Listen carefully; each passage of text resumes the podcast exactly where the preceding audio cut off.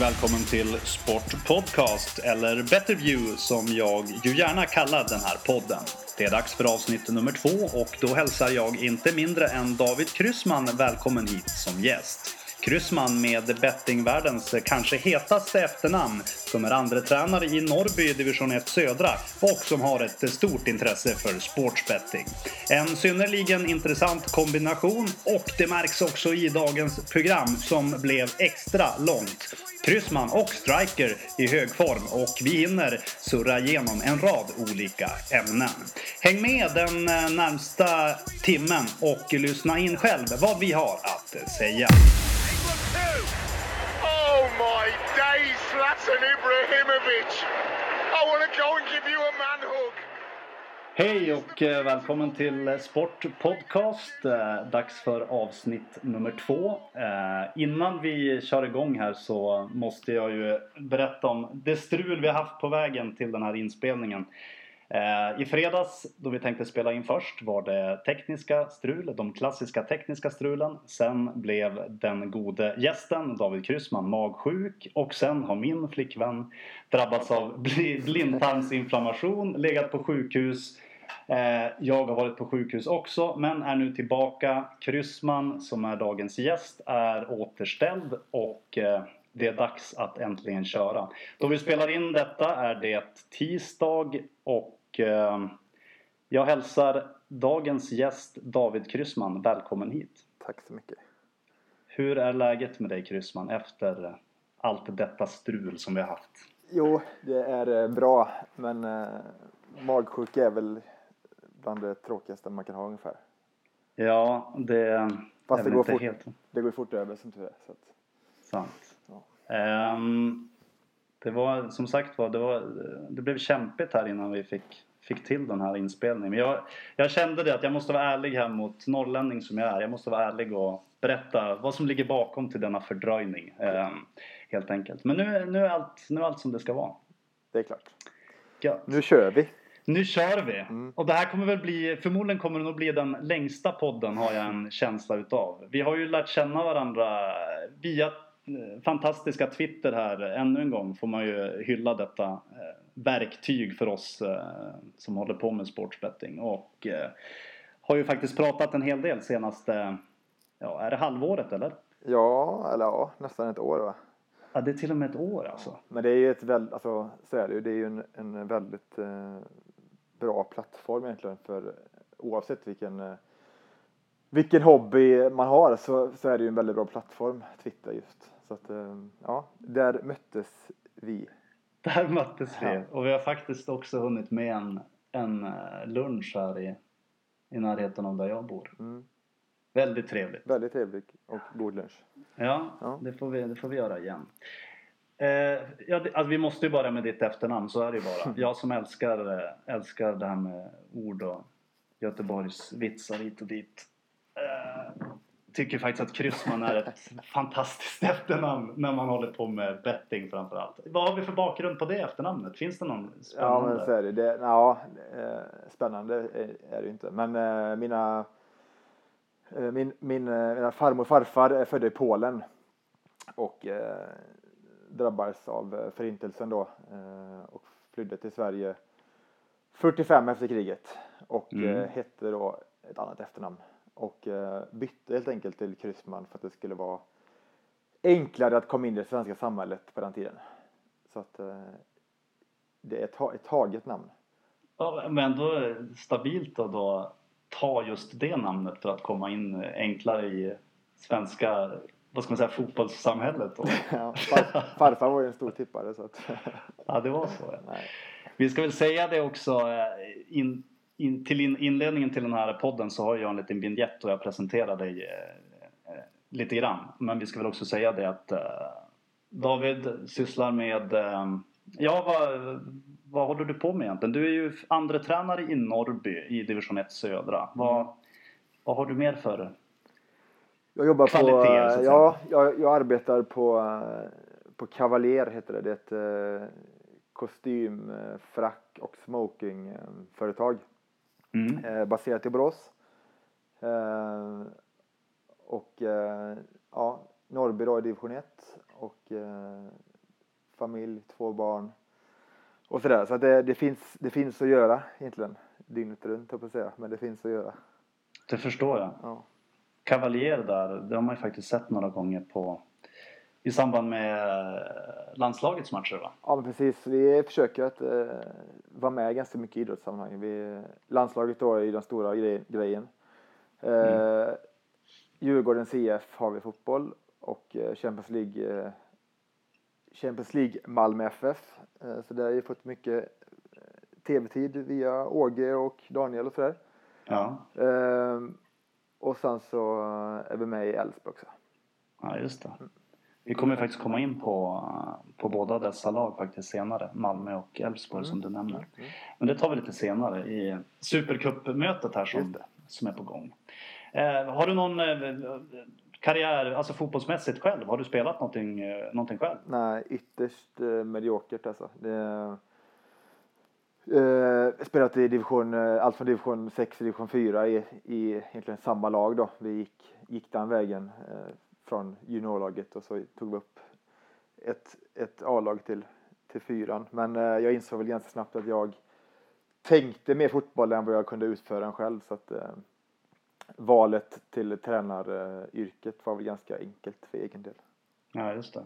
Och eh, nu är det alltså Norrby som eh, gäller då. Andre tränare, hur länge har du varit där nu? Det var mitt första år i år. Det var första året ja. nu och eh, ja, vi får väl gratulera till, till nya kontraktet. Det var väl det ni eh, sökte så att säga till, som ett första steg gissar jag. Ja, men så är det ju. Och vi, med fast i hand, även fast det blev en spännande in på mållinjen så har vi ändå gjort en väldigt bra säsong tycker jag. Vi kommer sexa tror jag till slut i division 1 södra och, och går vidare till Svenska cupens gruppspel. Blir DM-mästare. Eh, så att man får ju ändå med fast i hand få se att vi gjorde väldigt, väldigt bra. Ja, men absolut. Det är ju, det är ju fina, fina skalper. Mm, vi kommer även återkomma till eh, återkommer just det, eller vad som gäller, vad som gäller nästa säsong för din del. Mm. Om, du, ja, om du kommer att köra vidare eller så. Men det kan vi ta, det kan vi ta längre fram här i, här i podden. Yes. Ehm, sportsbetting ska vi givetvis snacka mest om. Mm. Det är därför vi eh, har lärt känna varandra och det är därför du är eh, gäst här hos mig. Ja. Berätta om ditt uh, intresse kring, kring sportsbettingen. Ja, alltså det började tidigt som för de flesta tror jag. Um, fast kanske inte alls på den nivån som man är på idag. Um, men Uno Cruz Doe tidigt, tidigt... Oj, nu kommer in här. ja. Kanon. Men du, jag sitter och pratar i telefon. Jag sitter på den kolabiten jag köpte. Stänger du det? Så, ursäkta. Nej, det, det, där blir, det där kommer vi inte att klippa bort heller. Det där blir uncut. Okej. Ja, nej men så man börjar kolla på de här eh, Tipslördag och eh, Ynocruz med, med, eh, med eh, Don Tomas och det här. Eh, ja, just det. Ja, och hade någon, alltså vi, jag har att man gick i typ sjuan, åttan och sånt där. Man gick ju upp ett gäng kompisar och så gick man upp till spelbutiken och så satte man in någon sån här 64 eh, och så någon, någon 10 kronors lången. Sex ja. matcher. uh, ja, men det var ju lika kul då egentligen på ett sätt. Alltså det var ju, det hade ju sin charm och, och man gick väl på alla miner man kunde gå på då också. Så att man lärde sig någonting kanske. Ja men precis. Ja. Det, det väcker ju väcker väldigt många minnen ja, när, du, när du berättar om det här med Don Tomas och uh, Uno Cruz Due ja. ja. Söndags, uh, ja det var ju rätt heligt där när man hade sitt lilla system och följde de här matcherna. Exakt. Och så var det något, jag vet inte, var det när det blev mål eller det var något i vignetten? Jag kommer ihåg det där. Golacho! Ja. Visst var det något sånt? Ja, alltså. Var det? Ja, det kanske bara var någon vignett. Nu är du äldre än jag är så att eh, det kanske är på, på din tid. Men nej, plingen är väl det jag kommer ihåg som, som ja. Plingen är ju härlig. Mål, ja. Ja men visst, och när det var spännande när man var lite med. Man hade kanske de här 8-9 rätten om man skulle jobba in en 20 på 10. Då så kunde man ju sitta med en tidning på TVn och typ smyga in plingen. Alltså verkligen. ja, ja, ja. Och se vad det var för match och, och vilket, vilket lag som hade gjort mål. Ja. Ja. det var härliga tider. Och ja, men det är ju samma, det är samma här. Det var ju där, eh, det var där intresset föddes som Ja, vi insett i, i efterhand. Har du någon eh, härlig story där då gällande någon tidig som tipsvinst? Det är ofta sånt som gör att man får ännu mer. eh, Ja, alltså det där gänget som man växte upp med, vi var fyra, fyra grabbar. Vi, vi hade ett, när vi blev lite äldre sen, runt 20 år, så hade vi ett, ett eh, system varje lördag som vi, vi la, jag tror 200 kronor var och sånt där. Och eh, satt, eh, satt egentligen varje lördag minst en timme och försökte läsa på tidningar och, och sådär och, och kolla på tabeller och sådär. Men, men en lördag så hann vi inte eh, sitta. Mm. Och då läm- lämnade vi in en sån här um, experten tror jag det hette va? Eller stubinen. Ja, det var sån här Ja, så slumpvis av något slag. Ja, just det. Och då satte vi 13 rätt givetvis. Så att eh, på kvällen där, det var, någon, det var en omgång där det var alltså kval till EM. Okej. Eh, alltså sådana här playoff-matcher och träningsmatcher. Så sista matchen vi har, kvar är Portugal-Kroatien. Mm. Som börjar 22.00 nere i, i eh, Portugal. Mm. Där har vi etta på den. Och värdet minns jag på krysset då, för det visste man ju egentligen bara kryssvärdet då. Mm. Var ju någonstans eh, en och en halv miljon och sånt där tror jag. Ja, Okej. Ehm, och vi satte 13 rätt då. Och eh, ja, vi vinner cirka en halv miljon då på den tiden. Ah, men det var ju... Ja, så det, alltså Det inte, finns- inte halv miljon var utan i, tillsammans då. Men det var ju upp mot, upp mot 75-100 000 var tror jag. Något sånt. Och det var då, hur länge hur gamla var ni då? Det var 2003 var det där. Ah, Okej, så drygt tio år sedan. Ja, så åkte vi till Thailand ihop sen hela gänget. Så det var ju kul. Ah, vilken, vilken härlig story. Ja, faktiskt. Om jag skulle försöka kontra den med någonting, jag vet inte riktigt. Däremot så skulle jag kunna nämna någonting om min speltaktik de första gyllene åren på Lången. när, jag, när man satt och kollade på listan och jag, let, jag, jag, jag vet inte hur det gick till men jag trodde då att alla odds där det var 3,15 eller 3,25 på bortalaget eller hemmalaget. Helst på borta. Det vill säga när favoriten stod i 1,70 eller 1,75.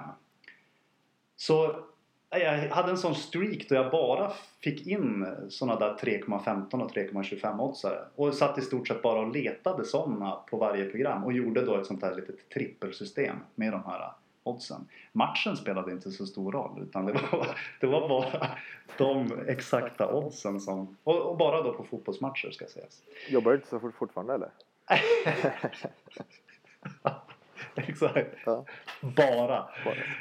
Ja, det hade varit, det hade varit intressant om man hade eh, stannat kvar vid den taktiken. Det gick väl inte fantastiskt bra i längden? kan Nej, ju- det kan, man det kan jag förstå. Mm, det förstår vi. Men det var, det var en, det var ju också en taktik. Ehm, på vilken nivå spelar, ligger du på nu? Du kanske inte vill såra exakta siffror och så men eh, liksom, sats, spelar du i stort sett varje dag eller hur mycket, hur mycket omsättning? Är det, är det väldigt mycket eller? Eh, ja, men det... Alltså, rent privata spel så är jag, spelar egentligen jag uteslutande i Sverige. Ja. Eh, till 99 procent faktiskt. Om inte jag får någon, någon unik information någonstans som jag inte kan blunda för. Men annars är det ju som sagt bara svenska spel. Eh, så den perioden blir ganska intensiv då om man säger mars till, ja, mars till nu då kan man säga. Mm. Ehm, annars så är jag med i, i projekt eller ja, Klubb Govi då, eller, som jag ryggar. Mm. Eh, och han kör väl egentligen då året om kan man säga. Just det, det är han, eh, vad? Keith, Keith heter han så? Wade, ja, Keith, just det. Ja. Eh, så där är ju stor volym och, och väldigt hög omsättning får man ju säga. Så. Mm. Det är väl, kanske snittet är en tre, fyra spel om dagen kanske. Något sånt. Ja, okej. Ja. Är Det, stort- det är i stort sett bara fotboll också eller? Nej, han, eh, han är på att kladda lite av varje. Okej. Eh, golf, eh, amerikansk fotboll, tennis när det är de stora turneringarna, Mm. eh, fotboll. Men det är väl kanske fotboll till eh, 75 procent kanske. Ja, just det. Så du lägger din egen kraft och jag förstår att det inte finns extremt mycket tid över eh, när du har familj och även tränar, tränarjobbet. Men då lägger du den eh, kraften på svenska, svenska serierna själv då helt enkelt? Ja, vi är, ett gäng, eh, ja det vet ju du om, du, du är med i det, det gänget kan man väl säga. Som, eh, Precis ja. ja, som eh, jobbar lite grann tillsammans där och Mm. försöker hjälpas åt. Och eh, det är styrkan, ja, styrkan du har är, det är egentligen kontakter då i, i lite olika klubbar i, i Sverige där du kan snappa upp lite information här och var. Jo, man, ja, så är det. Man har väl lärt, lärt sig att eh, få lite kontakter här och ja, runt omkring då. Så man, det går väl ganska fort att, att få fram olika startelvor och information och sådär som är ganska viktigt att ha. Ja men så är det ju. Det var lite som eh, Mattias Lindström här som var gäst i, i, i första podden. Han, han jobbar ju också på, på liknande sätt Ja. i, i vissa serier. Och det, det är ju så man, eh, det är ju kort och gott så man eh, måste, den vägen man måste gå. Eller måste gå. Både du nej, jag och jag du tycker väl det. Ja, Sen kan väl alla, alla får väl ha sina egna teorier och strategier. Men det är väl så både du och jag tror att man måste ta sig fram. Ja, alltså idag är ju, det ska man ändå ge cred till marknaden och sådär, de är väldigt, den är ju väldigt stark. De har ju sällan, eller marknaden har ju sällan fel. Så att du måste nästan ha någon, någon avvikande information som gör att du sitter på, den, på, på en, bättre, i en bättre position än vad marknaden gör. Då, då sitter man på en fin sida menar jag. Sådär. Mm. Annars är det ju extremt svårt. Då pratar vi Champions League och Premier League och sådär så är det ju ja, i princip. Jag, jag, jag, jag är en av de som hävdar att det är omöjligt att slå marknaden i de stora ligorna. Nästan. Mm. Om inte man är extremt duktig och har en enormt mycket tid att följa allting så tror jag det är jätte, jättesvårt. Alltså. Ja, nej men det, jag köper ju det. det. Så är det ju bara. Det låter kanske tråkigt att säga det egentligen på, i en spelpodd men jag tror att det är jättesvårt. Men, Ja, ja absolut. Nej, men det, jag tycker ändå att det, det är sunt. eh, Det är en sund inställning. Framförallt att bara ha insikten och, och respekten för, för marknaden. Jag tror att, att ta det steget är ju det är nog väldigt svårt för de flesta. Eh, som gärna, ja, men, vi vet ju båda hur det är. Man kan sitta och läsa om en match och hitta någon, informa- alltså någon information. Men trots allt, det är ju information som, som den är ju inte unik. Har, har jag läst den, då är det ju någon annan som har läst den. Och det är, ju- för det första är det ju någon som har hittat den informationen och skrivit om den. Så att man är ju inte direkt etta på bollen om man sitter och läser eller läser, hittar information på nätet. Nej, och det, men det är väl det som...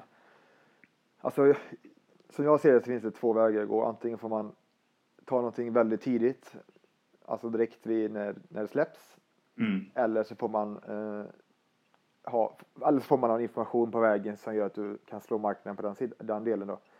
Mm. Eller så är ju live också, eh, alltså att ta någonting live är också eh, någonting som känns enklare än att plocka någonting på matchdagen eller på dagen innan match. Det känns ju, det, den, den strategin känns för mig främmande faktiskt.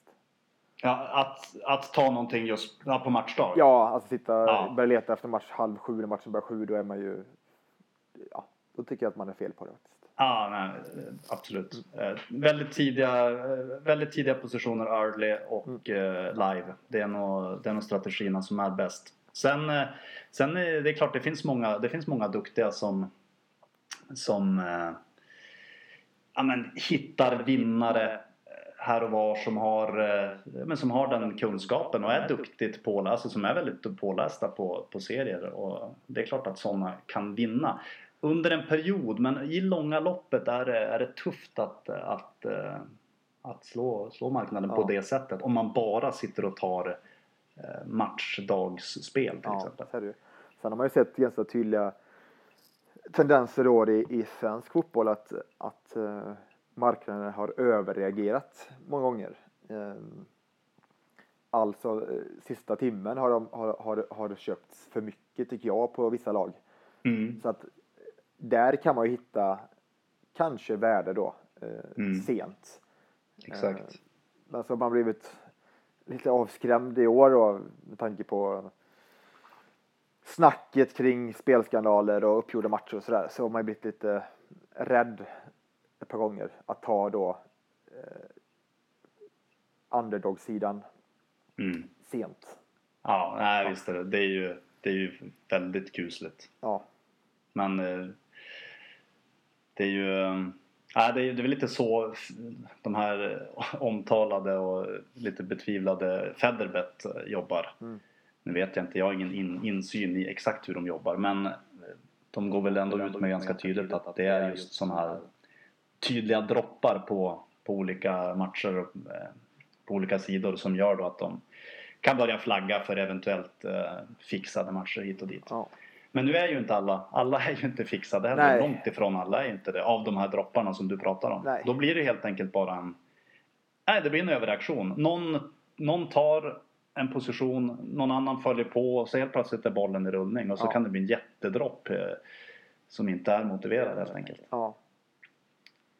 Det var Mm. ganska, till, man- det var ganska bra exempel där med eh, Syrianska mot Giffarna var det va? Mm. Där Giffarna droppade extremt mycket sista, Mm. sista timmen tror jag. Just det. Och där, där Giffarna vann till slut, till slut med 1-0 efter en målvaktstavla. Men samtidigt gjorde väl samma målvakt monsterräddningar under matchens gång. Om jag minns rätt va? Ja, det var den matchen. Nu är jag med. Mitt Ja. minne är ju lite sådär fram och tillbaka. Men nu är jag absolut med. Ja. Jo, den där. Jo, just det. Mm. Och eh, där, satt, där köpte jag, jag plus bland annat. Men, men ja, alltså hade, hade jag varit målvakt och varit köpt så hade man inte kanske gjort monsterräddningar och släppt in ett enkelt mål. Alltså, ska, man, ska man då lägga sig så är man väl- på ett snyggt sätt kan jag, kan jag känna.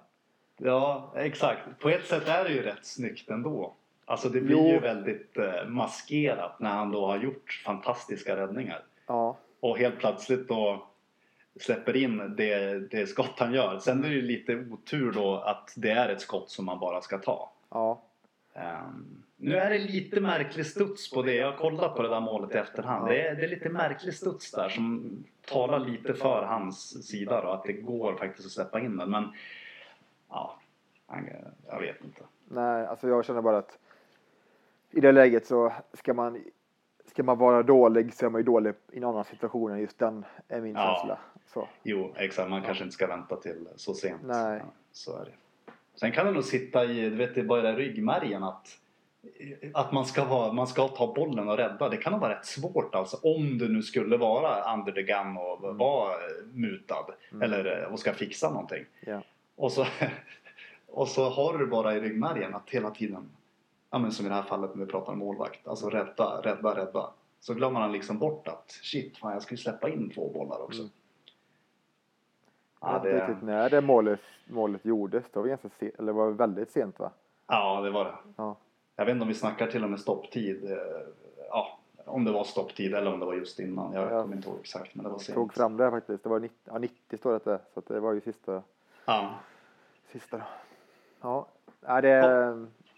Det visade sig ju vara ett ganska viktigt mål för, för Sundsvall också. Ja, ja när man nu summerar eh, Superettan. Vad säger vi där? Vi, nu kommer vi in på det lite, lite off topic, topic faktiskt. Men eh, Superettan, de eh, lagen som går upp och Mm. vad säger du? Nej, man kan väl inte gilla att Hammarby går upp. Alltså, eller man kan väl inte inte gilla det. Exakt. Nej. Eh, det är ju ändå ett, ett, ett publiklag och de har ju spelat faktiskt bäst fotboll i, i Superettan ska jag säga utan att sett alla matcher och sådär. Men eh, Mm. ehm, det är ett lag som drar publik vart de än kommer faktiskt. Visst är det så. Fotbollens Leksand kanske, eller vad säger man? Ja, det är nog, så är det ju.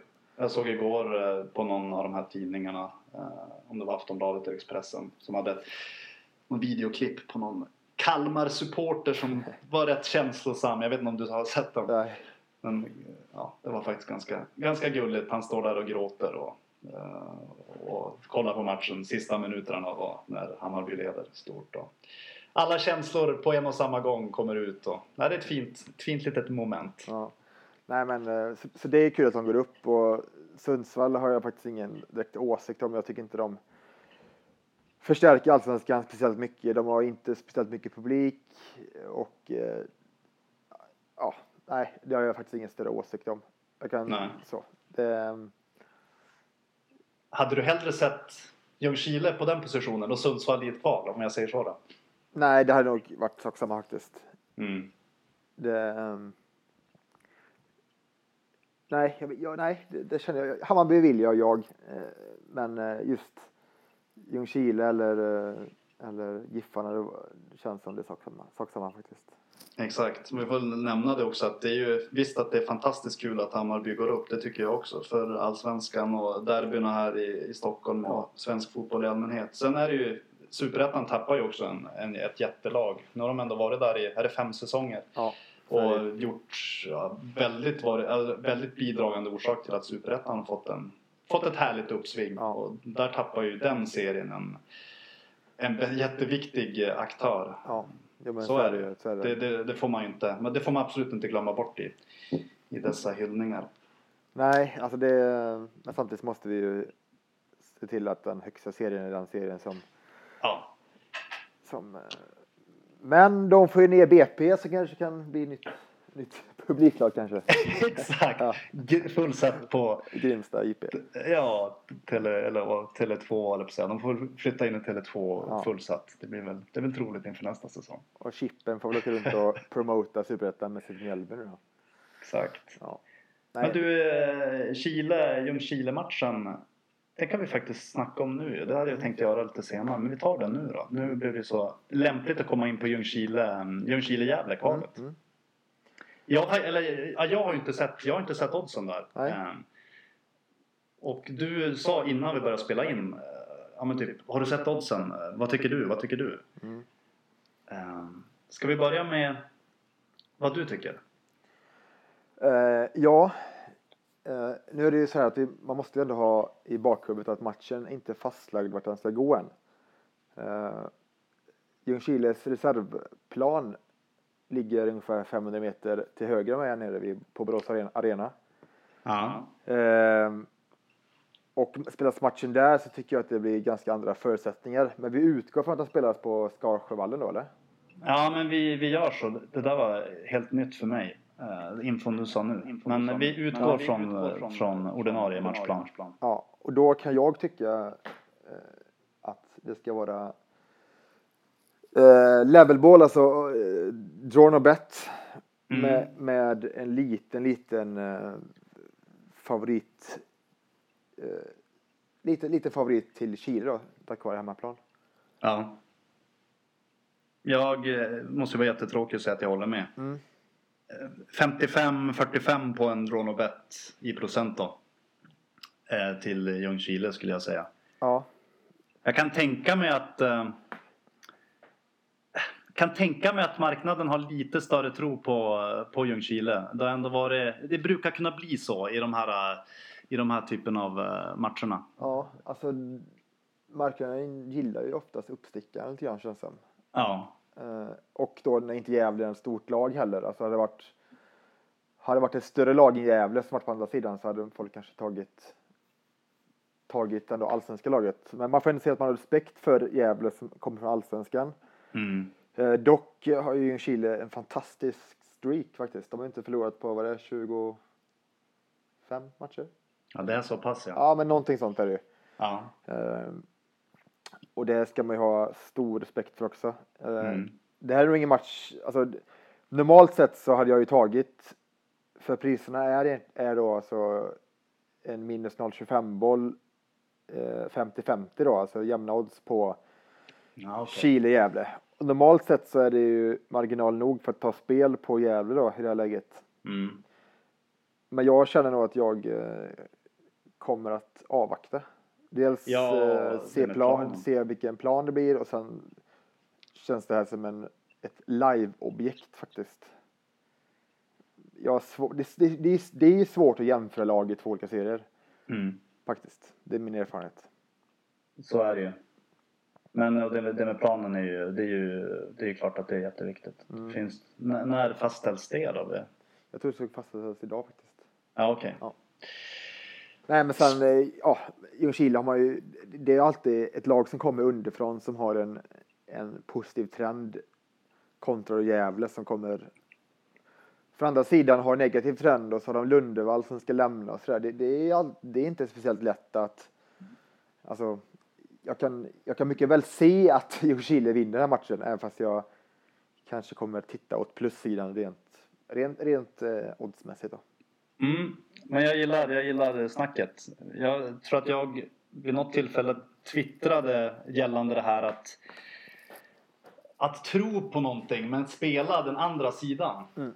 Eh, jag, tror, jag vet inte exakt vilka lag det var. Jag tror att Hammarby var, var inblandat. Där jag twittrade om att jag tror på Hammarby men spelar eh, ja, Jönköping eller vilken match det nu var. Nu var det inte den matchen men det spelar ingen roll. Alltså just att eh, det är ju väldigt stor skillnad på det här med folk som tipp, alltså, tippar matcher Mm. och som kanske inte har är så insatt i det här med att göra, göra vettiga värderingar och jobba med procent och, och odds. eh, Helt enkelt inte så oddskänsliga. Det är ju Nej. känslan man får. Det är ju, den stora massan eh, är ju inte speciellt oddskänsliga. Nej. Och så är det så är det det själv man jobbar med bara. Så det lite... Alltså det är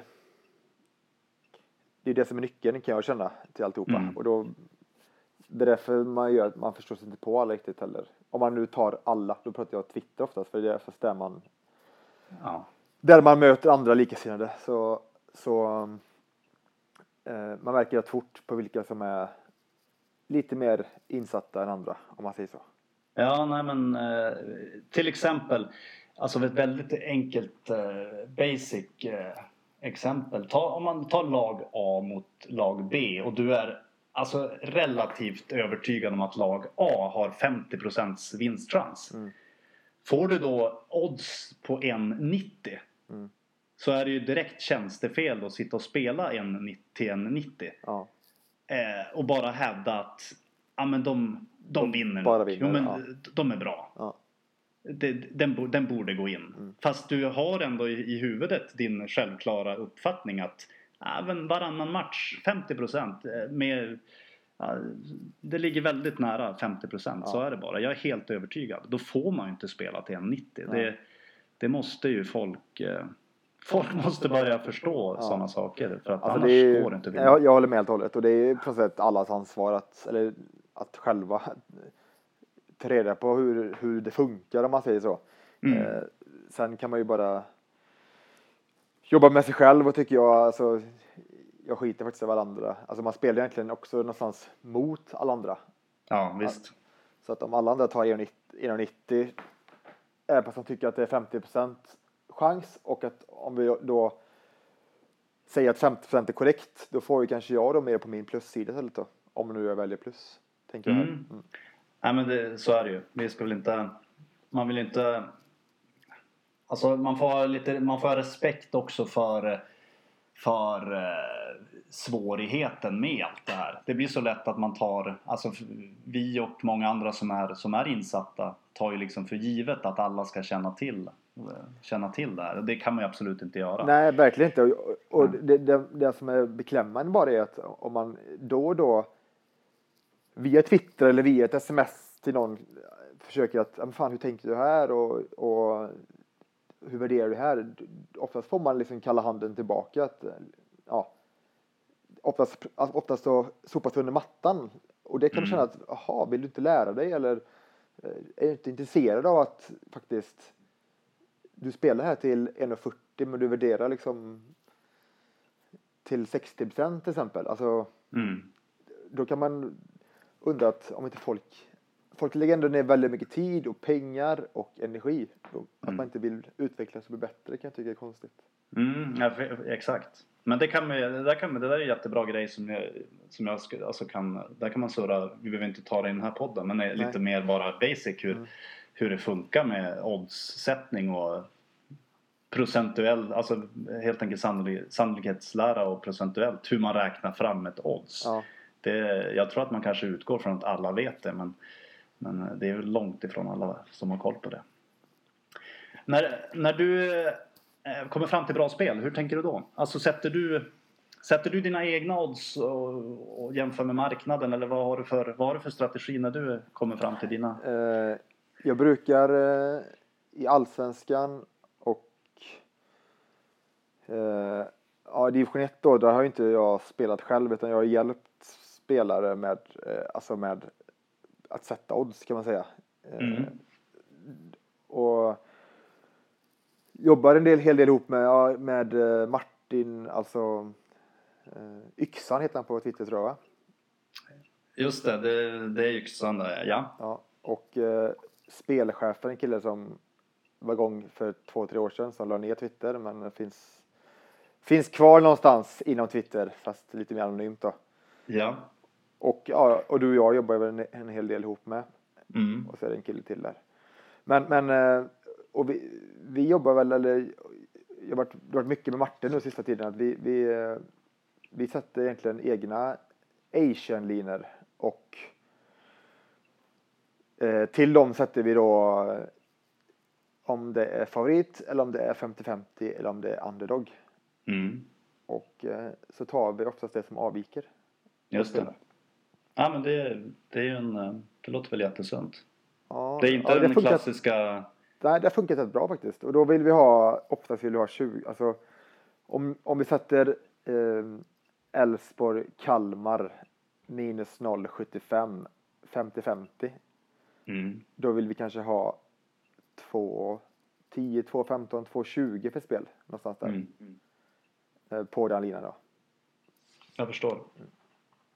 Sen, Ja, det- eh, alltså det finns egentligen inget facit för hur, vad som är rätt eller fel. Men det här har funkat för oss ganska bra och sådär. Alltså att man, då känner man, man är väldigt förberedd också när, när, när oddsen kommer så är man ju extremt förberedd. Mm. Och man får lita på att, att sin egen värdering stämmer ändå. Det, det får man utgå ifrån liksom. Att, Mm. att, att den stämmer. Och sen att då att, att marknaden har fel då först där. Det, det är tufft att säga men man får ju ändå man, det måste, man måste utgå från sin egen värdering. Och sen, Mm. Ja, visst. Och det är exakt, och det, jag tror att det absolut vanligaste är att göra efterhandskonstruktioner, eller vad man ska kalla det för. Värdera lite i efterhand. Ja, precis. Alltså folk kollar på matchen, ser oddset. Ja men det var 1,80 på dem. Ja men det är ju bra. Mm. Eh, jag, tycker ju, jag tycker ju att de har 50% vinstchans. Mm. Eh, så det... Ja nu sa jag fel. Jag tänk, säg att det, oddset är 2,20 och de har... eh, då- kan det komma en efterhandskonstruktion där de helt enkelt tycker att ja, men de har nog 50% vinstchans. Mm. Det är klart att jag tar 2,20. Mm. Fast de har inte tänkt till i förhand utan helt enkelt eh, värderat i efterhand eller vad man ska kalla det. Jo, det är väl ganska vanligt som man hör. Det, det är det tugget man hör liksom. Mm. Eh, ja, men det, jag tror att, alltså för att utvecklas som spelare så tror jag att man ska hitta, hitta sin egen väg att gå och så tro på det stenhårt liksom.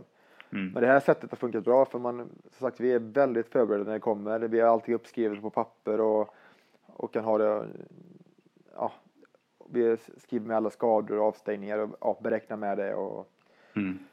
så att, sen kan man ju vara helt snett på det också. Vi hade, vi hade nog, det var Norrköping mot ÖSK, den sist, var det näst sista omgången va? Mm. Då hade vi ju jämna odds där på, på, på ma- matchen. Och den släpptes ju med minus 0,5 på Peking och plus 0,5 på, på ÖSK, jämna odds. Just det. Och där var man ju tvungen att ta dubbla insatser på den matchen i och med att de var så himla fel. Men Ja. det fick man ju äta upp sen till slut. Jo, ja, det var samma. Ja. Exakt samma, samma här. Det kändes ju som en given, givet kryss två spel eller plus, plus en halv boll. Men, Men alltså, så är det ju ibland. Man, ibland eh, det är inte säkert att bara för att Norrköping vinner med 2-0 så är det inte säkert att det är dåligt spel för det. nej, exakt. Nej, det kan ju vara ett superspel ändå. Ja, men det är ju faktiskt så. Även de förlorande spelen kan ju faktiskt, eh, kan ju faktiskt vara inom situationstecken, situationstecken bra spel. Ja, Eh, säg att du spelar ett, någonting till två gånger pengarna. Droppar den till 1,70 ja, till när matchen börjar.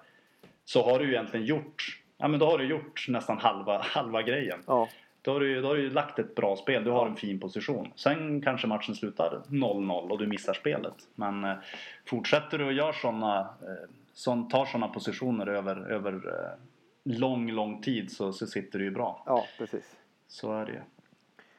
Ja, men det är väl så. Sen i Sveriges lägre serier, division 2 och division 3, så är det svårt att det är svårt att sätta egna odds där. Alltså det får man ju, där är det så himla beroende på, alltså, där är det mer viktig information som är superbra så man kan veta att det är något eh, bröllop eh, i helgen och alla spelare är bortresta. Och det, det, det är lite mer sådana Mm, saker man får gå på. jag förstår. Eh, så division 3 har ju varit jättefin i år. Mm. Eh, division 2 har varit nästan obefintlig. eh, För jag har inte haft några lag där egentligen som jag har ingångar i. Det är väl något lag här omkring bara. Eh, så. Just det. I jämförelse med fjolåret då hade vi ju, det var ju Norrby där i Mm. division 2 då, bland annat. Men, men ehm, och sen är det ju U21 också som det spelas en del i. Ja, där har ni, där har, jag säger ni här, för där har jag själv inte, inte varit med och tagit någon Nej. stor del av kakan. Där har, det, där har det gått bra den här säsongen. Eller Ja. alla säsonger Ja, kanske precis. Ja, det är ju en serie som är, med rätt information så är det ju svårt att miss- misslyckas om man ska vara ärlig. Det, ja, ja, ja, nu ska man inte vara sån, men jag förstår inte att bolagen ens er- erbjuder spel på de här matcherna. Det, det är tacksamt, så att Mm. säga. Det, de, jag, jag förmodar att oddsen sätts efter tabell. Ja. Eh, men lagen kan ju variera något fruktansvärt från match till match. ja, det känns som det kan bli, det kan bli helt nya förutsättningar egentligen. det är det. Det är som att nya lag kastas in egentligen. Ja, och det kan ju skilja något enormt. Alltså det kan vara ett det kan i princip vara ett halvt allsvenskt lag som möter ett, ett juniorlag från division eller med ett, ett superettans juniorlag typ. Och Mm. då förstår man själv hur siffrorna blir liksom. Precis. Men det där är ju en, en svår... eh, Svår, eh, vad ska man säga, det svåra där är väl att hinna, hinna med och ta Ja, men det är ju spelen. extremt låga marknader. Alltså, jag tror limitsen på Sportsmarket när, när de matcherna släpps är 140 euro. Mm. Och ett klick där sänker man ju själv 30 punkter liksom. Ja, Och att folk då går ut och rekar detta på Twitter är ju ganska... Alltså det, jag förstår att folk vill ha uppmärksamhet för det, men det, det, det ger ju inte Rekan någonting för ing, det är ingen av hans följare som får det, de, hans pris, priser. nej precis. Men eh, jag säger ingenting om det för det kommer alltid finnas folk som trycker ut det där men ja, så är det ju. Men sen har jag haft turen att ha vissa vissa av mina lag som inte skriver ut det på sina hemsidor så då kan man ju ta det när det når Europabokis så är det oftast betydligt högre limit och då Mm. kan man ta då istället. Just det. Då kommer vi in lite på, nu har vi nämnt både Asian, Asian Haroker och EU-bookies. Mm. Hur, är det du, hur är det du spelar? Var, var lägger du dina, ja, jag behöver inte säga exakta bolag och så, men det, du spelar på både asiatiska bolagen Mm. och eh, europeiska eller? Ja, jag spelar på Sportsmarket för det mesta faktiskt. Eh, Mm. Bra sida för de som inte har testat och ja, de erbjuder egentligen alla matcher. Men och sen Asian-linjer och sen över och underspel. Eh, bra sida tycker jag. Eh, Ja, det är exakt, det kan vi säga. Den här Sportsmarket Ja. Pro som den heter va? Ja, precis. Där eh, man får egentligen eh, flera olika asiatiska spelbolag Ja, på sant. en och samma sida. Ja, samlade på en sida. Exakt, så du spelar alltid till det högsta odds som finns då Ja. tillgängligt på samtliga de här asiaterna. Precis. Eh, nackdelen är väl egentligen att det är ganska, eller det är väldigt dålig mobilsida. Det är väl det som är sämre. Så man, s- exakt, det kan vi faktiskt. Jag känner ju några som är Ja, det- involverade i den där sidan. Kan vi, Per kan vi, Hildebrand får man mejla och skicka ett och skriva att det är dags att göra om det där va? precis, säga att vissa människor använder mobilen numera Ja. till eh, att surfa. ja. Jag vet inte hur det Mm. gick. De hade ju ett projekt igång med en mobilsida vet jag. Ja, okej. Men jag vet inte alls hur det gått faktiskt. Ah, okej, okej. Och sen så har jag väl lite Europa, eller jag har, jag har inte, min sambo har numera. Ehm, Det där sa du aldrig. Nej. Det är ju, nej nej nej. Det är, det är du som spelar. Ja, ja. Det, det är ditt konto. Ja. Eh, ja men så är det. Jag tycker faktiskt att det, det, den sidan som är bäst eh, bland Europabokisen är Bet365. De har ju helt klart högst limit på svensk fotboll. Eh, väldigt smidigt att kunna se hur mycket man får spela innan man överskrider deras, deras limit. Ja. Eh, och så har de snyggast plattform tycker jag. ja, de har ju varit eh, ledande får man ju säga ganska lång tid nu. Ja, Eh, Jag känner, jobbade tidigare med en, eh, en av, jag vet inte om han är marknadschef där fortfarande för Sverige. Okej. Men han sa väldigt tidigt, alltså vi snackar, jag vet inte hur många år det är, men det är väldigt många år sedan. Snackade han tidigt om att Bet365 ska bara förknippas med live. okej. Live, live, live var det enda de ville mata ut. Och det har de nog lyckats rätt bra med får Ja. man ju säga. De har ju ett extremt stort utbud av matcher live. Mm. Eh, och jag vet att de har alltså en jättestor del av sin omsättning på sportboken är just på live. Ja, det kan jag tänka mig faktiskt. Eh, betydligt större än till exempel fördelningen på ett bolag som eh, Unibet till exempel. Mm, mm.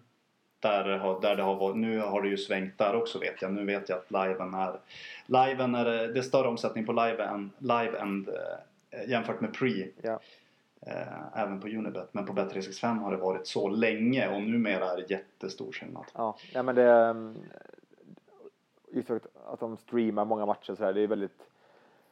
Alltså det är ju nästan för lättillgängligt på något sätt att spela på Bet365 Mm. så. Eh, på gott och ont.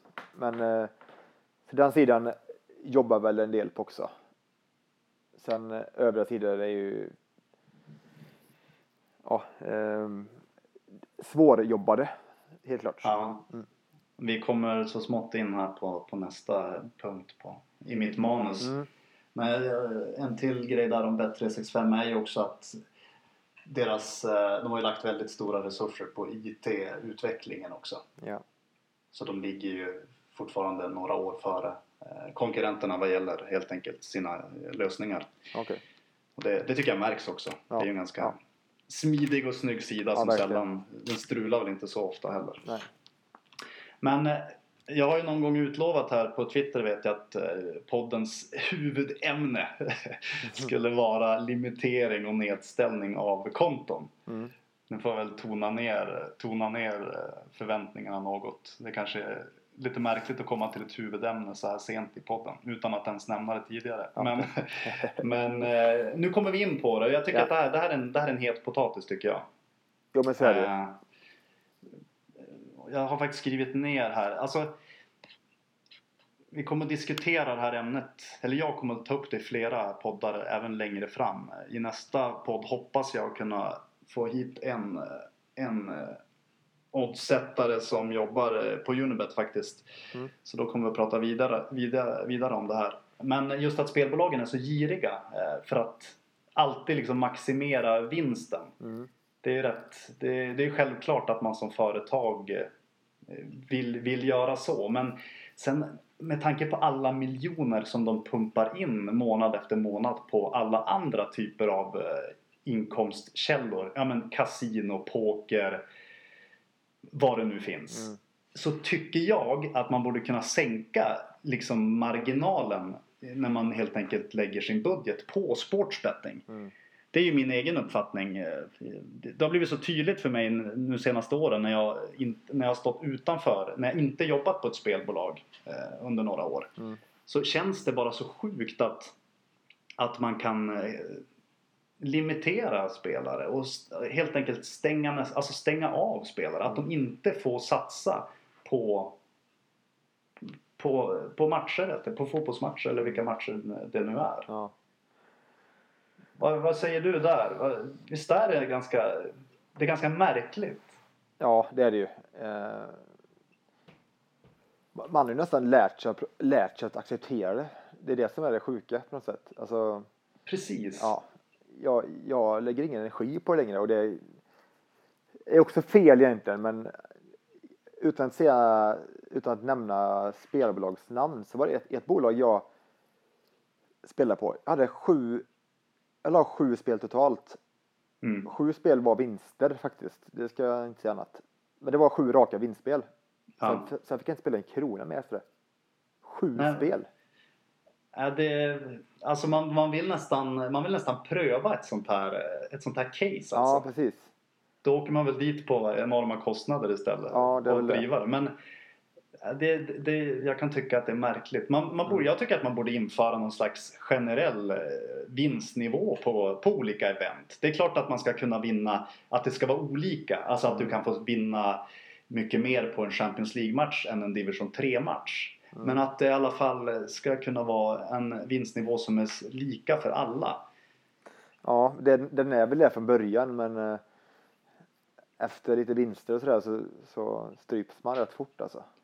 Eh, Verkligen. Ja. Och det, det är ju inte bara att försöka, ja vad ska man säga, ja, men öppna ett konto i eh, ens mammas namn till exempel. Alltså de spelbolagen lägger rätt mycket tid på Mm.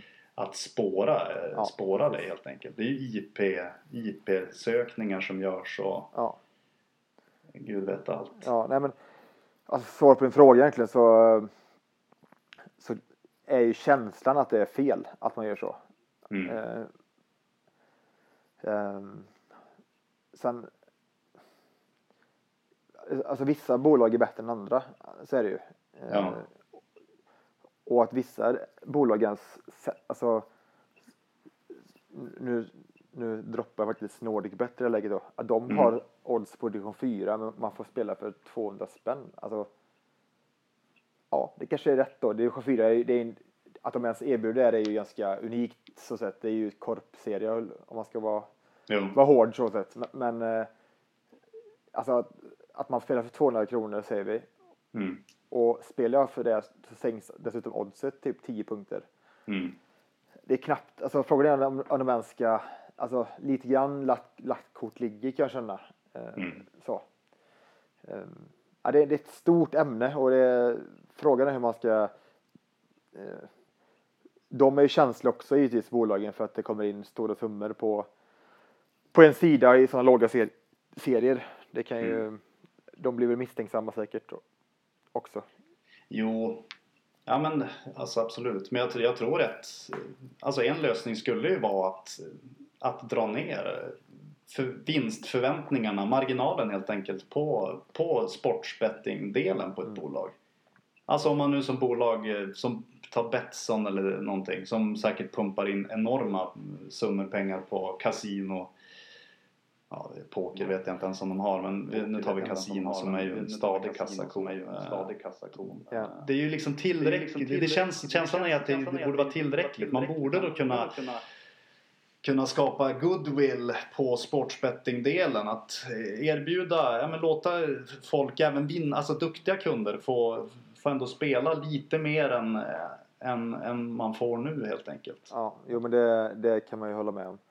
Eh, det, alltså, det känns ju som att om jag vinner X kronor på Dalstorp Tenhult så vinner bolaget igen det sen på kvällen på Lyon mot Marseille när hela världen sitter och spelar på eh, över 2,5 mål till exempel eller vad det nu eller vad det nu må vara. Alltså det känns som det, det man kan tycka att de borde ha nästan den servicen att, att folk får vinna på de låga serierna. För att det är ändå trots allt, vad är det man säger, 98% är inte vinnare och 2% är vinnare. Och då, det känns att de får tillbaka de pengarna till slut ändå.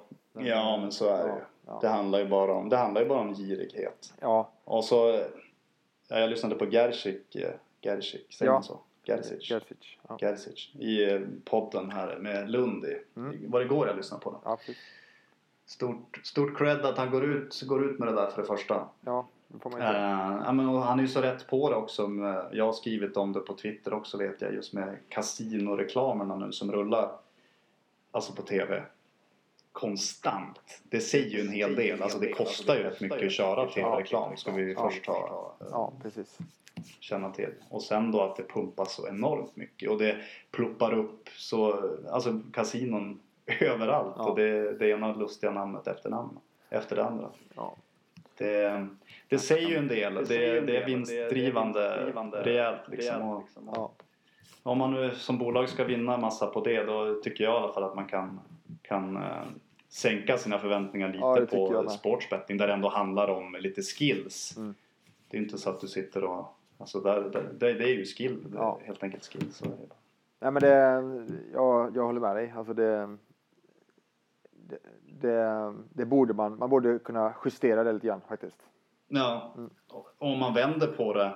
Den här jakten som de då har för att dels hitta, hitta kunder som de inte vill ha helt enkelt. Mm. Alltså wise guys. eh, Så har de ju även då en motsatt eh, jakt kan man säga så. Ja, ett dåligt, konstigt uttryckt. Men det vill komma till att de letar upp kunder som omsätter mycket Ja. eh, men som är förlorande i längden. Som kanske ligger på mellan 90 och 97 procents ROI. Ja, Men omsätter väldigt mycket. Det är ju en kanonkund för spelbolagen. ja, Då markeras de som eh, VIP-kund, VIP. De kan få eh, brev hemskickat. Eh, mail att nu får du åka och se på den här matchen tillsammans med oss.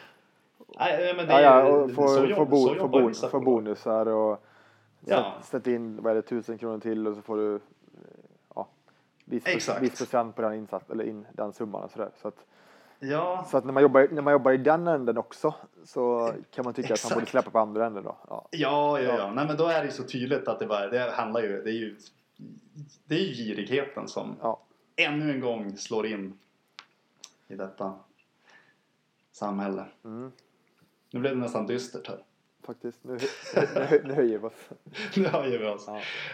Vad ska vi höja med då? Ehm, det var- ju konstigt om vi skulle snacka mer om fixade matcher. Men det behöver vi nog inte göra så mycket. Jag tänkte just att höra dina tankar som tränare. Eh, om du har, liksom, hur, har, du sett någonting utav det här? Har du några erfarenheter av det?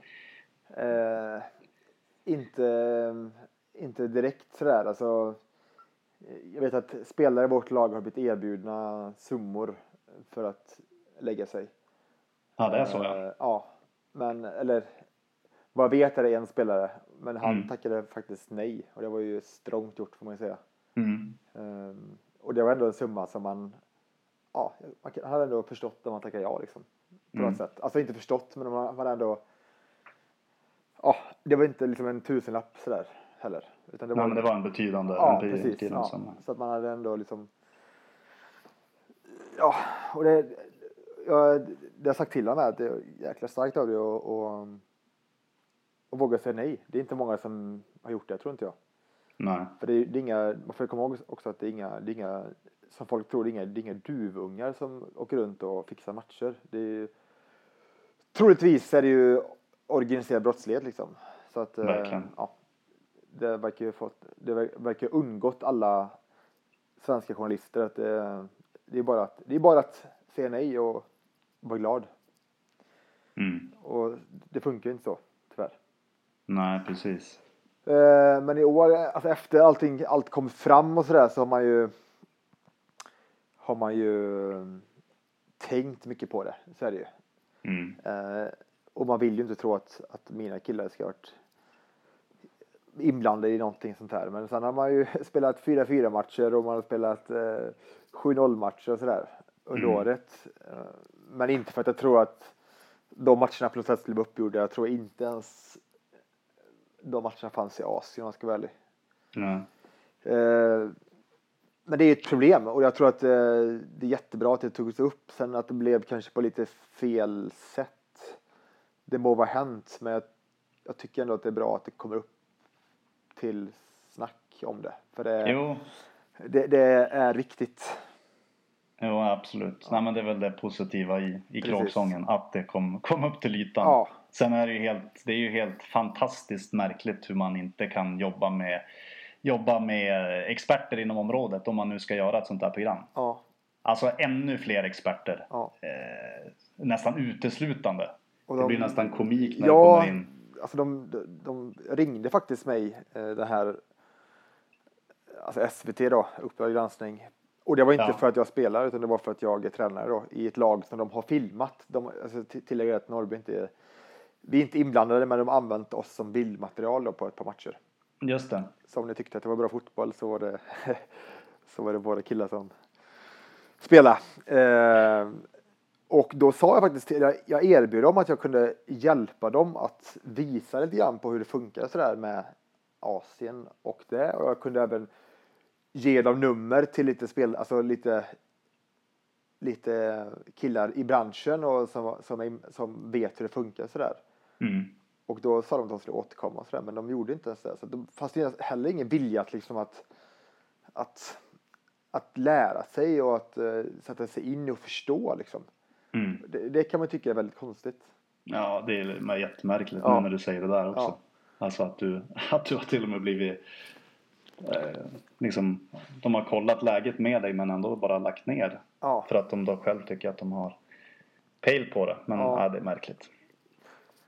Så det, bara, ja. ja. Jag vill bara hoppas att, hoppas att vi inte når att vi inte når de här nivåerna som eh, till exempel jag vet inte om du läste häromdagen in, Indonesien om du såg eller hörde talas om den här matchen Nej.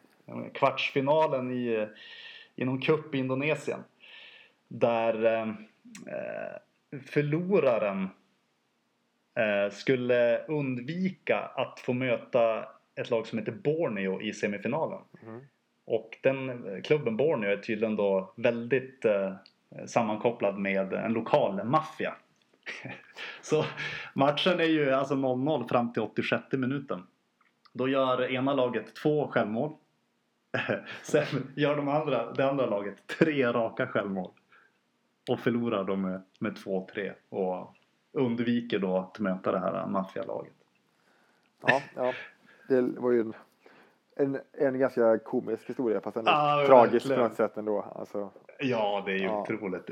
Jag ska, jag ska skicka en länk sen till dig. Och det bara får få, alltså det ser helt, helt fantastiskt ut. Ja. Får väl hoppas att vi undviker att komma till... Ja, alltså Såna- det, såna det, är ändå, det är ändå beklagligt hela den här hela den här ja, hela det ämnet som har tagit upp här under hösten här. Så att, eh, sen kan man ju, såg du båda programmen? Eh, Ja, jag har sett på den. Ja, alltså det, det andra programmet är när de intervjuar den här den här gubben i BV90. Just det. Eh, alltså det, det hans spelare gör är ju inte, det är inte för mig matchfix på något sätt. Utan det där är ju bara ren och skär idioti kan jag tycka. Att man bara spelar emot sig själv tusen spänn. Att skita ner sig själv för tusen kronor. Det, det, det är bara, för mig är det bara idioti liksom. Och det, det är inte, Mm. visst det kanske är en del av matchfixning men det, det är inte där det stora problemet ligger. Tycker inte jag i alla fall. Nej, precis. Ehm, Ja, den gubben ja. Var, var det Leif? Vad hette han? Ja. Leif? Lasse eller vad det var? ja, något sånt. Han var, Han- Han borde ju ändå få ett pris för någonting. Alltså. han var en oslipad diamant. Ja. Alla killar har skrivit på det här. Vi har inte gjort något fel. Ja. Ja, det är härligt. Ja. Som jag misstänkte så blev det en, eller det blir, är på väg att bli en rekordlång podd här. ja. Rekordlång. Vi slår Mattias Ja, här i förra programmet. Två- Fan, två avsnitt och det är ett Jobb. rekord direkt. Jobbar du på en kvällstidning eller? Rekord. Exakt. Det, ju längre vi snackar här desto mer får jag betalt för Ja. det här. Så nu drar vi ut på det rejält. Nej, det. Nej men vi får, vi får väl speeda upp lite grann. Mm. Det är några ämnen kvar här. Vi måste nämna lite om eh, det här komikerna nu. Komikerna, stand-up kom, eh, vad det? Stand-up komiker och Ja. eh, betting. Mm. Det är något som händer där alltså. Ja, I somras var ju Bettner igång under VM och eldade ju på rejält. Ja. Och så är Soran Ismail nu igång och, och eh, jag vet inte, smyger iväg lite Tweets. Tweets här till eh, betting-communityn för att få några härliga rekar. Jag frågar ju Babben här, Babben Larsson frågar om det är någonting på gång här. Om hon har lagt sin första trippel. Men hon, hon visste ju inte vad trippel var. Så det... Jag tycker däremot att Fredrik Lindström har ju en sån hörn-aura. Så att, det, så att han kommer nog att köra mycket först i sju hörnor är känslan. Nej men eh, skämt åsido, det känns ju som att eh, Soran är väl, ja, nu följer jag inte bett ner på, på Twitter, han är ingen som tilltalar mig speciellt mycket men jag såg lite retweets sånt från honom i somras så att det där kändes ju mer som en alltså en provokation kanske mer och han kändes allmänt får man säga, trög. Det kanske man får. Ja, det, det kändes nästan som det var något underlag till någon Ja, typ av precis. show, show som kommer här framöver. Ja, Soran känns ju lite mer lite mer rekat och klartig om man ska vara, om man ska vara hård. Eller så. Det, han känns mer, lite mer skön och bara vill hitta någonting och något att förströ sina pengar på kanske. Jo, exakt. Och han har ju, Soran är ju, eh, han är väl är väldigt insatt i, just eh, Liverpool va? Ja. Väl, han följer väl dem väldigt noga och är hans lag. Ja. otroligt sportintresserad. Ja. Har ju fantastiskt, en ruggig podd för övrigt den här. Ja, den är jätte, Som är marginellt större än den här podden ska vi säga. ja, fast marginellt. Nej, men så Soran tror jag, han, är, han verkar vara en skön, skön lirare. Så att, Exakt. Ja. Nej, men kommer in en ytterligare, ytterligare en eh, stand-up-komiker där. Och framförallt om det är Babben som kommer. Då får vi, då får vi sätta då ner stämmer din tes. Ja, då är det faktiskt en fullbordad trippel. Ja. Ehm, ska vi surra lite, lite, lite drag också? Mm. Eller i alla fall något drag kan vi bjuda på. Mm. Inför kommande matcher. Vi har ju snackat om Ki- Ljungskile-Gävle där. det precis. kommer väl inget så här jättemycket, ja, något direkt konkret, drag. Men vi har i alla fall Nej. surrat lite om vad vi tycker om.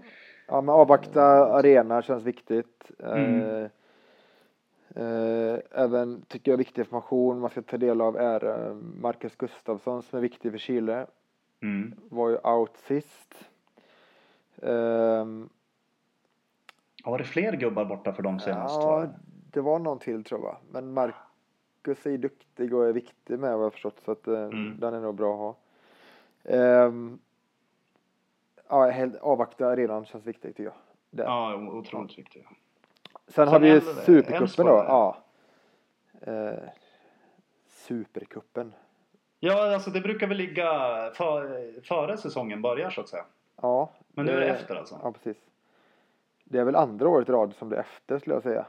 Det är bara jag som är lite Ja, efter. men jag är inte helt hundra på det. Nej. Ehm, man kan ju fråga sig hur laddade spelarna är för sån match alltså. Det är ju... Ja, och det där spelar, den spelas alltså nu till eh, helgen, söndag ja, på eller? söndag, ja, precis. I Malmö då. Mellan svenska mästarna Malmö och cupmästarna IF Elfsborg då. Just det. Och Malmö har ju då Champions League här först och främst Idag. idag.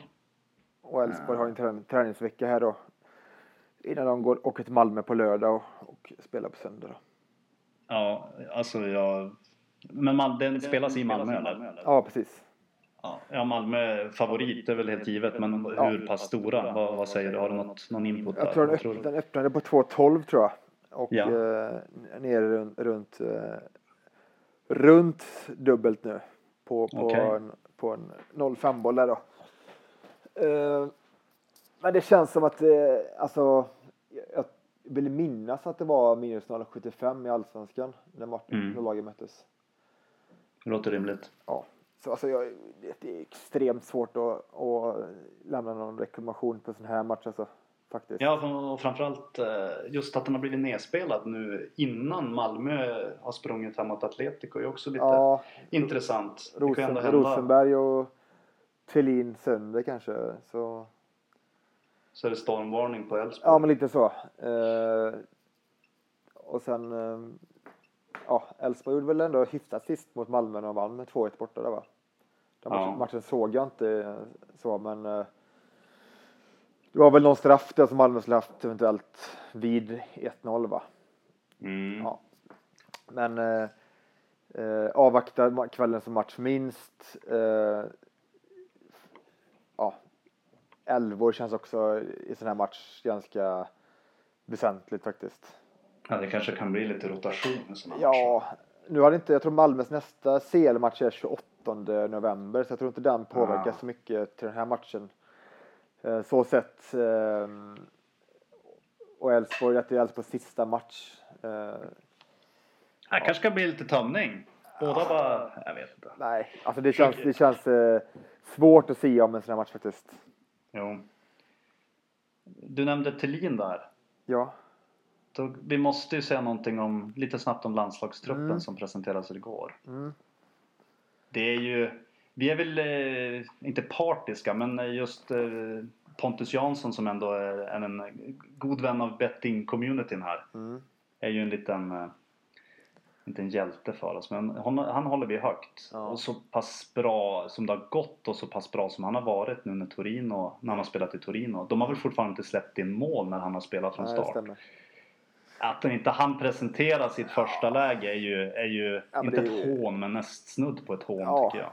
Men man, man har ju slutat och alltså, överraskas av Hamrens laguttagningar så att det, det är ju inget som man man höjer på ögonbrynen för längre men att man tar inte att man vill avvakta och se då matchen mot Helsingfors på torsdag Mm. kontra då att då hade jag hellre sett matchen nu senast mot Atalanta om hundra gånger istället Ja. för att se det. Att det måste ge så mycket mer att se ett, ett bra möte i Serie A kontra Helsingfors borta på konstgräs. Alltså jag kan inte begripa den, det resonemanget. Nej men det är ju bara, det har väl bara att göra med att det är så, det är så smidigt att ta sig till Helsingfors. Ja. Det är väl något sånt där töntigt. Ja. Nej det är, det är Eh, för sen dåligt. Förmodligen att han även avvaktar då Helander Johansson då i, i, i eh, Malmö där. Mm. i kvällens match. Eh, sen är det ju det är kul med Guidetti givetvis. Alltså Ja, ja. som alla andra tycker. Väldigt. Eh, så, ja, nej men det, det var väl ändå den truppen man tyckte var ändå var kanske mest rolig på flera år faktiskt. Ja, jo det var ju Ja. det var lite eh, roliga inslag. Ja, Men Pontus Jansson skulle vara med, varit med direkt, det kan vi fastslå det kan vi vara överens om ja. definitivt. Men han, han borde trilla in här. Det, Ja, det- det är kul. Annars är det någonting annat som är, ligger bakom det där. Verkligen. Då får vi ta in måldanskarna där. Ja, Besöka, besöka. Det kan vara ganska fint speltips också när vi ändå är inne på speltips. Men jag håller ändå Torino ganska högt alltså. De är, det är bra lag i år. De har tappat lite, lite eller väldigt mycket kraft då offensivt givetvis. Med eh, Cerci och Immobile där, men eh, de är ju extremt duktiga bakåt. Ja, det är ju det är ju löjligt starka bakåt. Ja, Alltså han polacken där, Glick. Och då ja, att inte Pontus då, ja, att han, han har liksom fått, han får ju kämpa för att ta plats där. Det säger ju väl jättemycket. ja. Det är ruggigt bakåt tung alltså. De möter ju ett HIK imorgon då, eller på torsdag. Som, Ja. eh, jag såg att det var, man fick över två, nu får jag inte upp min sportsmarknadssida här men jag tyckte det var 2,20 på minus 1. Eh, sen har ju inte Torino heller öst in mål ska tilläggas så att det kan ju vara lite, Jag blir inte under. Alltså jag har faktiskt lirat under några gånger på Torino. Det, det bra, kände- ja du har det men det känns som marknaden är ganska med på under nu va? Är det inte typ? Jo, det är väldigt Så- jag nu. Det är alltså 1,66 under 2,5. Mm. Ja, det är ju, det är ju kraftigt med, med i priset. Ja, Ska säga HI Torino står alltså 2,06 minus 1 just nu. ja, den känns väl ganska trevlig kanske faktiskt. Eh, hur är det nu i gruppmässigt där då? Behöver, de behöver den där segern eller är det en poäng okej bara för dem eller? Nej, alltså de... Jag är även att Torino ska vinna gruppen har jag ju också som, som spel, så de får gärna vinna matchen. Ah, så det är det som ligger och pyr? Nej då, det är ingen fara. Men eh, eh, de behöver nog inte vinna egentligen tror jag inte för att, för att, eh, för att gå vidare tror jag inte. Men sen, sen måste väl vara förmodar jag ettan möter väl tvåan och så vidare. De har sju poäng Torino. Eh, Mm.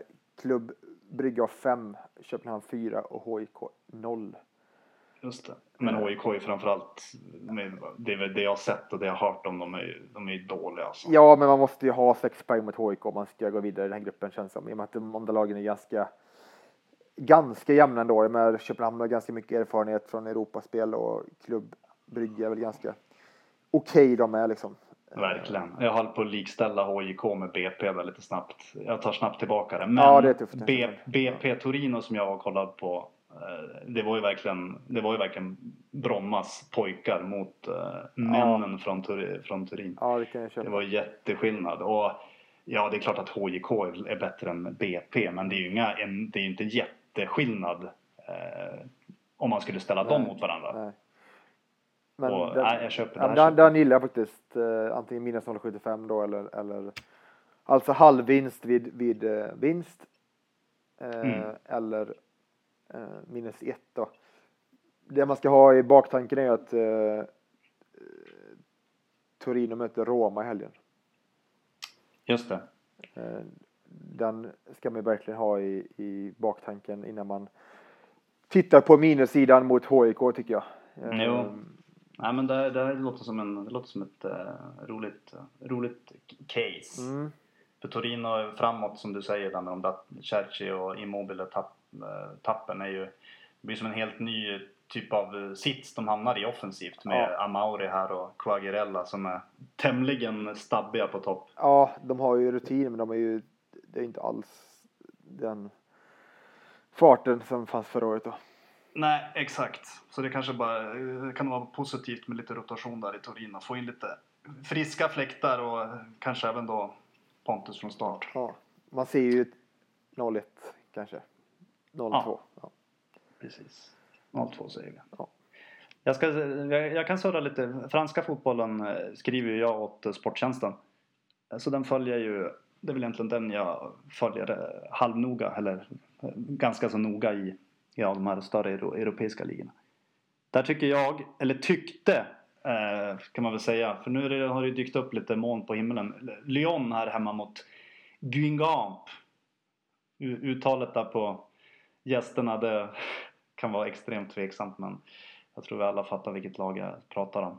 De, har ju varit, de är ju riktigt kalla de här Guingamp alltså.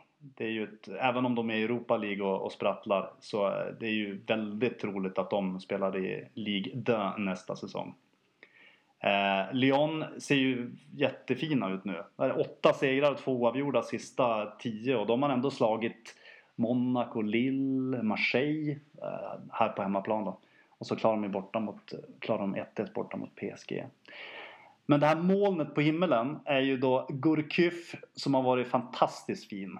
Alltså så bra som han var, eh, var det 2009 som Lyon var rätt fina i Champions League. Då, då Gurkif var, var med om väldigt mycket offensivt. Han var ju inte med nu senast. Nu slog de ju Nice ändå med 3-1 borta. Men han vill man ju jättegärna ha med i en sån match. Eh, för det, de är lite tunna framåt Lyon. Eh, Lacazette har ju öst in mål men bakom Lacazette är det ju rätt så tomt. Och om inte Lacazette funkar så är det ju, så är det ju lite tu- tunt. då. Så att Gurkyf är viktig där. Minus 1, 1,98 för tillfället. Ja, då har ju den gått upp också. Mm. För jag har sneglat på den tidigare och då var det 1,90 vet jag. Mm. Jag, till, jag tror jag till och med har ett litet sånt här tidigt pre-klick där. Eh, vill jag minnas. Så det var ju, men det är ju Gorkyf-infon som, som spökar. Så är det ju. Eh, så det får vi avvakta. Men när Gorkyf med där och Leon kommer ut fint, fint lag då, då ska det bli smisk. Ja, det låter sunt. Ja. Ska vi nu ta... Ska vi ta en fråga kanske? Nu har vi egentligen bara två grejer kvar att snacka Ja. om. Vi tar en fråga här. Jag bad ju Twitter höra av sig om eh, eventuella frågor till dig. Mm. Och det har ju rasat in frågor. Ja, det har du va? Ja, jag har fått sortera här och det, jag fick eh, liksom... eh, Fick over, overflow i mitt flöde Okej, trevligt. med frågor. Så jag har fått sålla här. Och kommit fram till att eh, vi tar den gode Arash. Oj! Arash. Hakim, Hak, Hakimi Fard. Det är en kille jag gillar faktiskt. Ja, Verkar jättetrevlig och sund. eh, verkligen. Han ska vi... När vi tog den här lunchen i somras så var ju han eh, Ja, han lite ledsen. att inte Ja, han ville jättegärna vara med och dela på Mm. gröten. Men eh, nästa gång får han vara med. Ja. Det tycker jag. Han, han verkar väldigt, eh, väldigt sympatisk och jätteinsatt. Alltså. Ja, Insatt. Han kör Han mycket mär- Tyskland. eh, Eller han körde bara, bara Tyskland egentligen. Ja, bond, exakt. Bara Bundesliga. Bundesliga Ja. va? Ja. Mm. Nej, han får vi följa, följa upp mer. Väldigt, Verkar väldigt vass. Ja. I alla fall, han frågade här. Vilka positioner anser eh, du då är mest överskattade slash underskattade när man ser till frånvaro i eh, olika lag? Mm. Om det finns någon sån här kombo också. Ja, men till, om ett lag saknar två. Jag förstår. Ja, du fattar frågan. Jag tycker att eh, eh, Alltså man, man, man säger alltid att det är enklare att försvara i fotboll än vad, än vad, än vad det är att göra mål. Mm. Eh, jag tycker ofta att det blir en överreaktion av målvakten borta. Nu pratar jag toppfotboll. Alltså, jag köper, som i Kalmars fall när de fick ställa en 16 16-åring i mål. Mm. Så blir det, så, så där blir det problem givetvis. Mm. Men om man tänker allsvenskan och att du har din andra keeper i mål eller i de stora ligorna eller så, där, så är det ju oftast Mm. bra målvakter. Alltså det, blir inget, det, det blir skillnad kanske över hundra matcher men över den specifika matchen så spelar det ju inte superroll alltså. Nej. Eh, kolla Malmö i fjol. Liksom. Tänk att Robin, O- Robin Olsen var andrekeeper i Malmö i fjol. Bakom Mm. Dahlin. Så det tycker jag att marknaden har sto- för stor reaktion på att en, om en målvakt är out. Alltså, Mm.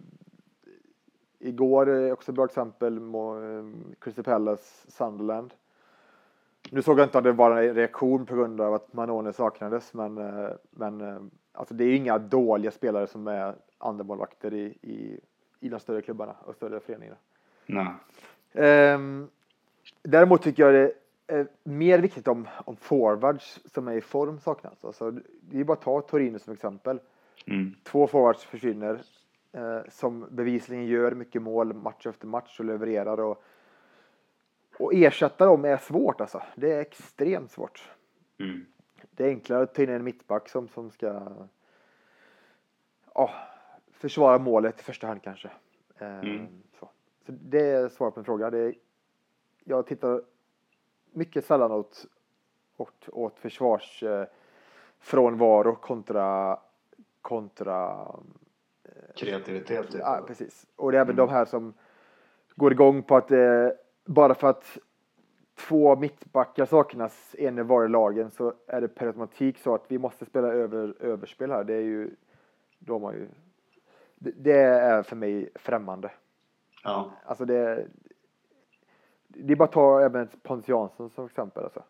Jag tänker att Exakt. han har varit reserv med i matcher. Det säger också en del. Alltså det, reserverna på, den här, på de här nivåerna är ju oftast väldigt, väldigt goda. Alltså. De är, ja. Så att eh, anfallsspelare är st- större faktor än, än, eh, än försvarsspelare. Just det. Vi hoppas att Arash eh, är nöjd med det, med det svaret. Ja, annars får ni höra det tror jag. Annars, annars kommer nog DM sen. Eh, Exakt. Ja, Vi, vi, vi ska ha ett snack du och jag. ja. Ja men härligt. Då tror jag väl faktiskt att vi har allt utom min sista, sista punkt på manuset kvar. Känner du att det är någonting i övrigt som du vill ta tillfälle i akt och lufta? Nej, det är inte så spontant känner jag inte det. Var det kul att snacka här? Ja, det känns i och för sig som ett, eh, ett av många samtal vi haft de sista åren mer. Exakt.